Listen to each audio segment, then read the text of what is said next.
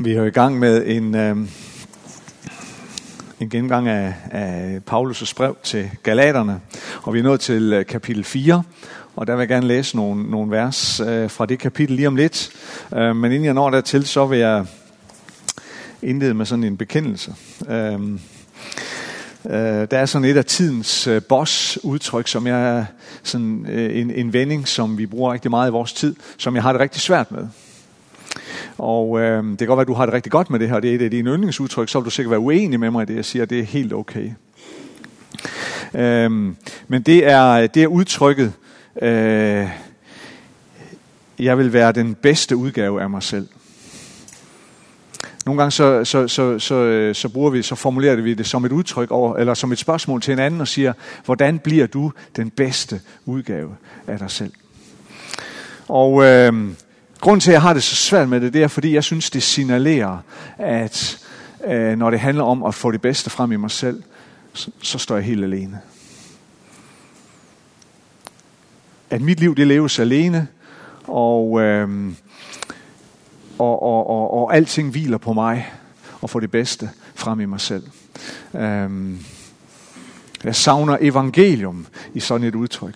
Jeg savner noget i sådan et udtryk. Fordi hvad sker der, når jeg, som jeg i hvert fald oplever, at jeg står op i morgen og med den her oplevelse af, at øh, jeg føler ikke, at jeg er den bedste udgave af mig selv i dag. Eller hvad så, når jeg sidder der på, eller når du sidder på kanten af din seng og skal til at lægge dig til at sove, og har den her oplevelse af, at jeg har ikke været den bedste udgave af mig selv i dag. Og i morgen starter jeg fra scratch, så starter jeg fra nul igen og skal prøve at arbejde mig op. Det er sådan et signal om, at det hele hviler på mig selv. Og jeg må selv tage øh, konsekvenserne, når ikke det lykkes for mig. Øhm, det er, synes jeg, et øh, nådesløst budskab. For jeg tror, at virkeligheden er en anden at du ikke er alene. At der er en, der går med dig. At Jesus går med dig hver eneste dag.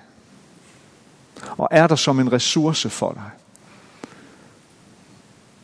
Men er også parat til at bære dig. Og også parat til at bære smerten og lidelsen og sårene, når vi oplever, at i dag var jeg ikke den bedste udgave af mig selv. Det er lidt det, vi kommer til at øh, lige at berøre her i dag. Jeg skal læse fra, øh, fra øh, Galaterne kapitel 4. Og øh,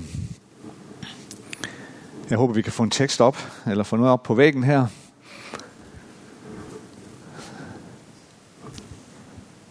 Paulus han øh, skriver sådan her. Hvad jeg mener er, så længe en arving er umyndig, adskiller han sig ikke fra en træl, skønt han er herre over alt. Han står under formønder og forvalter indtil den tid, hans far forud har fastsat. På samme måde med os, da vi var umyndige, trællede vi under verdens magter. Men da tidens fylde kom, sendte Gud sin søn, født af en kvinde, født under loven, for at han skulle løskøbe dem, der var under loven, for at vi skulle få barnekår. Og fordi I er børn, har Gud sendt sin søns ånd i vores hjerter, og den råber, Abba, fader. Så er du da ikke længere træl, men barn. Og er du barn, har Gud også gjort dig til arving. Dengang, da I ikke kendte Gud, trællede I for guder, som i virkeligheden ikke er guder. Men nu, da I har lært Gud at kende, eller rettere er blevet kendt af Gud, hvordan kan I så atter vende tilbage til de svage og ynkelige magter? Vil I nu igen trælle for dem? I overholder dage og måneder og tider og år. Jeg er bange for, at jeg har slidt forgæves for jer.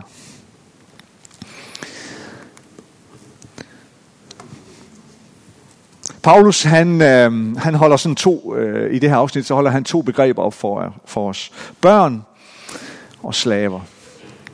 Eller tjenere.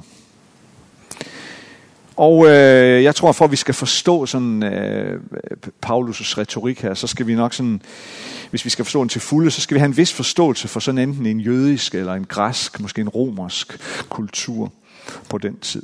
For i de her kulturer, der var en afgørende forskel på det at være børn, og så det at være voksen. Øh, I vores kultur, i vores tid, så, så har vi til en vis grad øh, udvisket lidt de der grænser øh, til en vis grad. Øh, fordi selvfølgelig er der forskel. Men, men i den kultur var det meget mere sådan tydeligt, at et barn, øh, det var ingenting. Men barnet ventede på en fremtid, hvor det ville være mere, end det var nu. Øhm, for når barnet gik fra at være voksen, eller fra at være barn til at være voksen, så forandredes alting. Så fik man værdighed og ære. Så blev man anerkendt øh, som arving til sine forældres formue osv. Og derfor så havde Øh, i hvert fald både den, den, øh, den jødiske og den græske kultur havde øh, nogle meget, meget stærke og vigtige, og har det til del stadigvæk, ceremonier og ritualer, overgangsritualer for børnene, når de nåede den rigtige alder, hvor man markerede og hvor man fejrede, at nu gik det her unge mennesker fra at være barn til at være voksen. Øhm. Og samtidig var der også i den kultur, det giver sig selv, en, en væsentlig forskel på at være slave øh, og så på at være fri. Det var en markant forskel.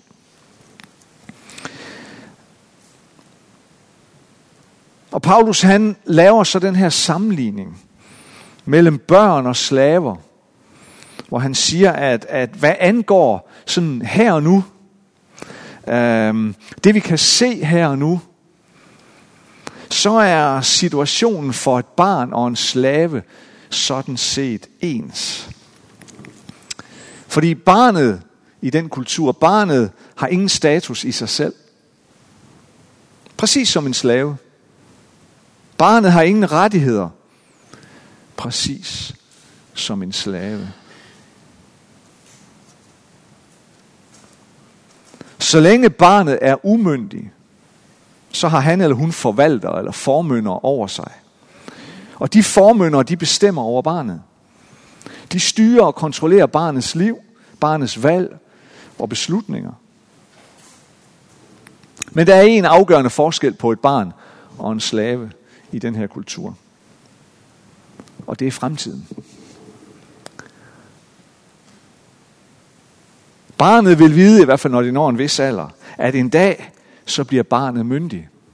Og så forandres alting. Men her og nu, så er der ikke en stor forskel. Ja, rent faktisk, hvis vi forestiller os en, en sådan rimelig rig familie i en jødisk eller græsk familie øh, på Jesu tid, så kunne en slave, som havde sådan et overordnet ansvar, øh, faktisk have mere sådan dag til dag frihed øh, end, end, end, øh, end familiens øh, lille barn, et, et, en familiens umyndige barn. Men fremtiden for de to var vidt forskellige.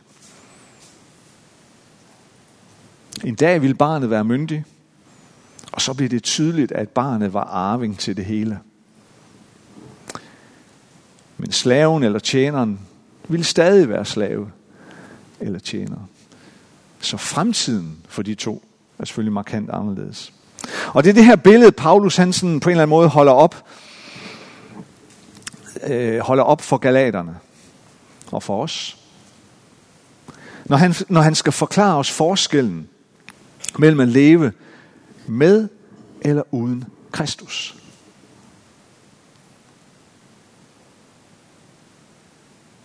Uden Jesus, så er livet under loven. Altså hele det her sæt af, af, af jødiske regler, som, som, som jøderne jo havde lige siden Toran, øh, Moseloven og, og alle det her yderligere sæt af regler, som jøderne sådan ligesom havde skrevet til, at hvis du vil være ekstra perfekt, så holder du også lige det her. Det er det, vi skal forstå som loven. Uden Jesus, der er livet under loven. Så er loven min herre. Så er det den, jeg skal forsøge at leve op til. Så er det, så er det lovens standarder, der bestemmer, om jeg er god nok, eller jeg ikke er. Paulus han, han bruger et bestemt udtryk, når han, skal, når han skal beskrive det her. Han siger, vi trællede under verdens magter. Altså, vi var slaver under verdens magter. Det vil sige, vi var underlagt verdens spilleregler.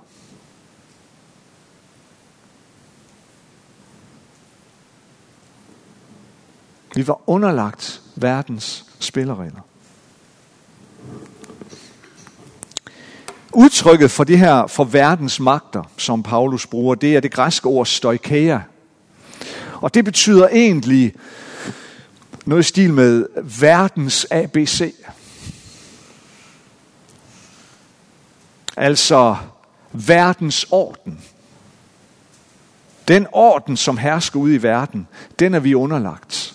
En ABC er ligesom, det er en lærebog, ikke? den fortæller, hvordan vi skal lære, og hvordan vi skal læse og skrive, og der er nogle regler, der er nogle grammatiske regler. Det er en ABC, og stoikære, det er denne verdens ABC, denne verdens orden. Og det er interessant, fordi hvad er verdens ABC? Hvad er verdens orden? Ja, først og fremmest så er verdens orden, det er et princip om årsag og virkning. Det er et af denne verdens bærende principper. At når jeg gør sådan eller sådan, så sker der det eller det.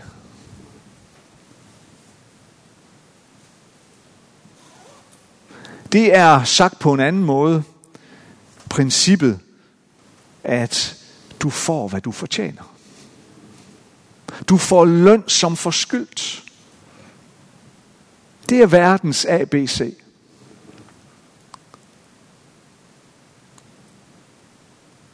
Hvis ikke du kan være en bedre udgave af dig selv i dag, end du var i går, så må du bære konsekvenserne.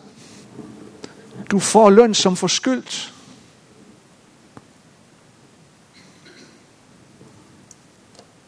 Tænk alle de hyldemeter af bøger, der er skrevet om at være den bedre udgave af sig selv. Hvor mange, hvor mange øh, øh mentorer, eller coaches, eller livsstilseksperter, eller tidligere jægersoldater, jeg ved ikke hvad, der har skrevet bøger, og i morgen kommer der bare en ny, der fortæller, hvordan bliver du en bedre udgave af dig selv. Du får løn som forskyldt. Det er denne verdens ABC.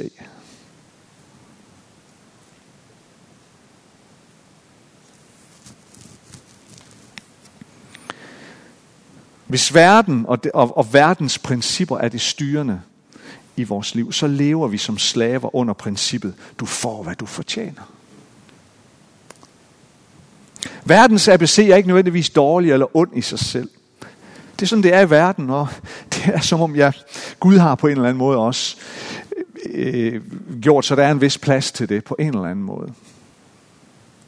For selvfølgelig har det en logisk plads. Naturligvis ønsker Gud, at vi handler godt og ret i vores liv her i verden. Naturligvis ønsker Gud det.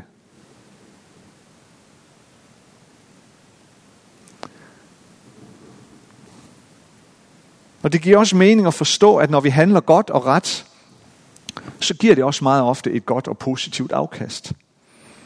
Det gør det i vores eget liv, og det gør det for mennesker rundt omkring os. Det ved vi godt. Det giver god mening. Men og for mig at se, er der et stort men. Vi må bare ikke basere vores relation med Gud på det princip. For når du har gjort Jesus til herre i dit liv, så er det ikke længere verdens ABC, som er herre i dit liv. Og jeg tror, det er det, Paulus han vil frem til her. Lad dog være med at gå tilbage til verdens ABC.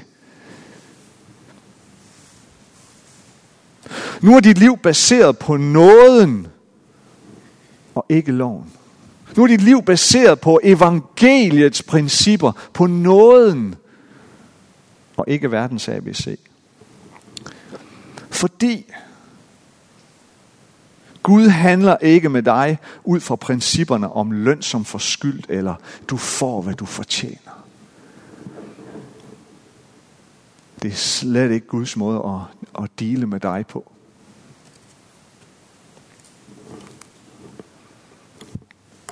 Paulus siger til galaterne og til os, at nu da I er blevet efterfølgere af Jesus, så må I komme videre, så må I komme længere. I skal ikke blive hængende ved verdens ABC. I må komme længere og begynde at forstå Guds nåde og hvad Guds nåde er. Noget modsiger denne verdens ABC. Fordi Gud agerer som sagt ikke i forhold, øh, han agerer ikke med os i forhold til, hvad vi har fortjent eller ikke fortjent. Og hvorfor? Fordi noget, det handler om, og noget fortæller os, noget fortæller dig, at det gode du gør, det kan alligevel ikke retfærdiggøre dig.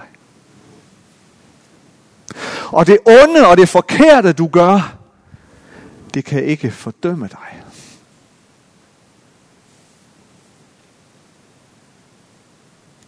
Skal vi lige tage den en gang til? Det gode, vi gør, det kan ikke retfærdiggøre os.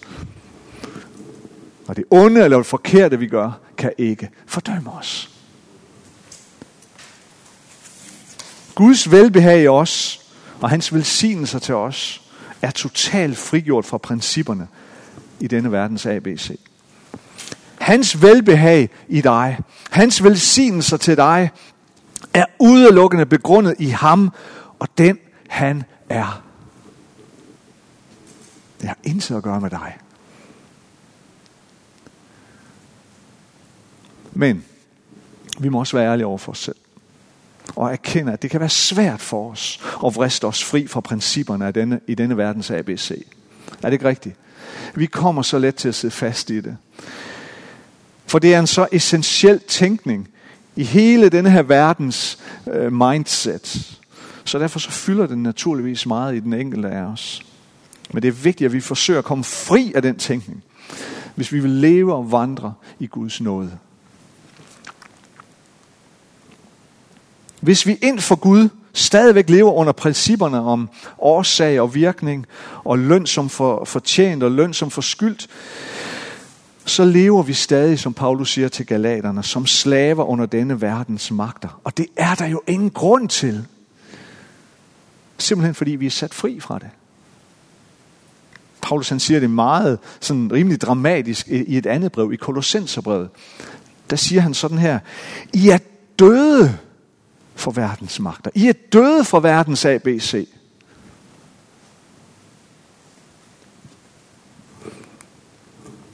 Og så forklarer Paulus, hvordan vi er sat fri fra det. Han siger, at da tidens fylde kom, altså da tiden var inde, da Guds tid var inde, så sendte Gud sin søn, født af en kvinde, født under loven, for at han skulle løskøbe dem, der var under loven, for at vi skulle få barnekår. Jesus han har med sit blod på korset købt dig fri. Han har betalt for dig. Han har købt dig fri, så du ikke skal være slave under loven. Du skal ikke længere være slave under denne verdens ABC. Du skal ikke være slave under princippet løn som fortjent. Og Gud ved godt, at det er svært for os at vriste os fri af lovens og verdens principper. Det ved Gud med udmærket godt. Derfor, derfor gjorde Gud noget helt fantastisk. Han gav os Helligånden. Derfor har Gud givet os sin Helligånd, som er Jesu ånd, ind i vores hjerter, ind i vores liv. Og Paulus siger til galaterne, fordi I er børn, har Gud sendt sin søns ånd ind i vores hjerter, og den råber, Abba. Abba. Det er aramæisk for far, eller farmand.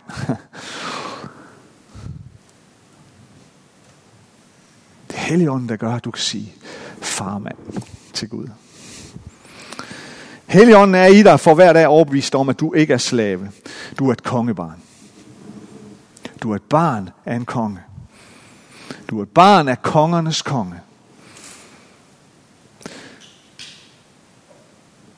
Du er et kongebarn med en ufattelig stor arv, som står og venter på dig. Og Helligånden, Helligånden beskrives, og beskriver Paulus også som en, som en pant. Uh, en pant på, at vi har barnekår. Forstået på den måde, at, at Helligånden er, er, er, er, er din pant på den evige arv, som Jesus vandt for dig. Og du kan pege på Helligånden. Du kan, på den kendskærning, at Helligånden har taget bolig i dig, kan du pege på og sige, her er mit bevis på, at en evighed på den nye jord venter mig. Helligånden er min garanti.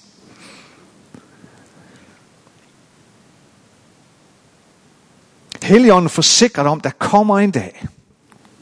Der kommer en dag, hvor Jesus kommer tilbage, og hvor Gud vil genoprette alt. Og så skal du se din arv, og du skal modtage din arv i fuld flor. Men ud, Helligånden gør mere end det. Udover det, så tror jeg også, at Helligånden igen og igen, Helligånden venter ikke bare på den dag. Helligånden er i fuld gang, og Helligånden allerede her og nu, igen og igen åbner døren lidt på klem. Åbner døren lidt på klem for dig, så du kan få lov til at se bare lidt af den herlighed, der venter dig. Når Gud giver et, et, et, et ord, som til Hanne her i dag, eller til andre, når, når Gud giver dig et ord, hvor du bare oplever, her taler Gud til mig, når Gud giver dig en oplevelse, øh, en åbenbaring, eller hvis Gud beder dig om at bede for en, som er syg, og vedkommende oplever at blive rask, alle de her ting, det er Helligånden, der åbner døren en lille smule på klem og siger, prøv skal du bare se her. der kommer en dag, hvor det her, det er hverdagsfortællinger. Hvor det her, det er hver eneste dag. Nu åbner døren en lille smule på klem. Du ser bare en lille smule. Nej, du får ikke lov at se det hele endnu. Men en lille smule. Det er Helligånden, der er en pant på det, der venter dig. Hvor det er din, hvor det er din hverdag 100% af tiden. Det her med, det handler ikke om løn som forskyldt. Det er noget alt sammen.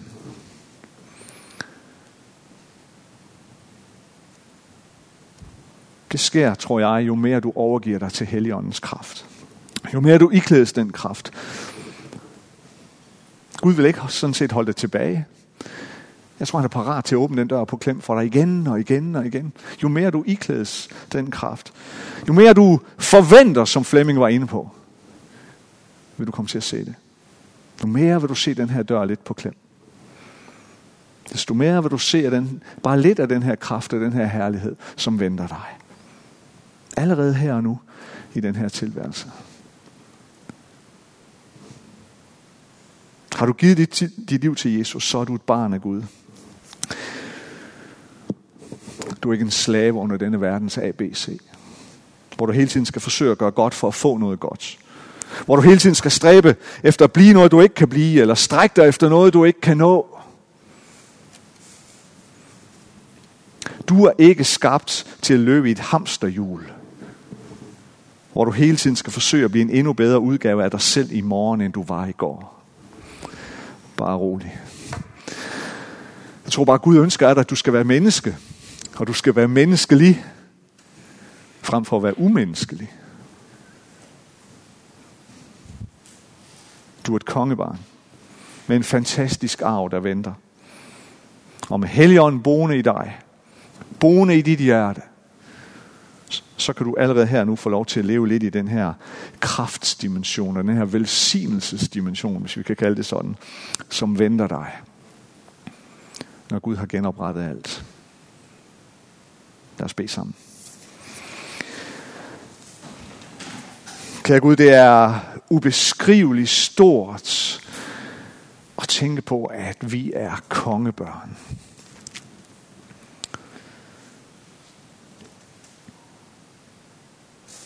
At vi er meget mere end slaver. At vi er meget mere end underlagt denne verdens principper om løn som forskyldt.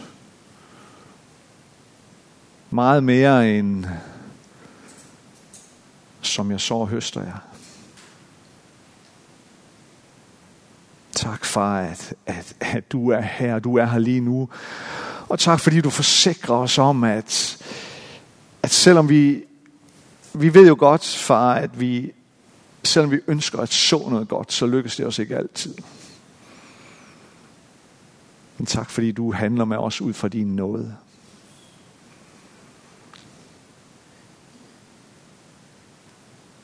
At du har noget til os hver eneste dag, som er meget større end løn som forskyldt.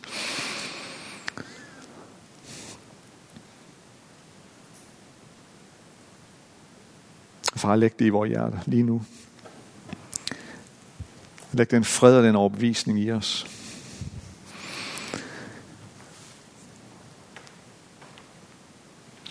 At,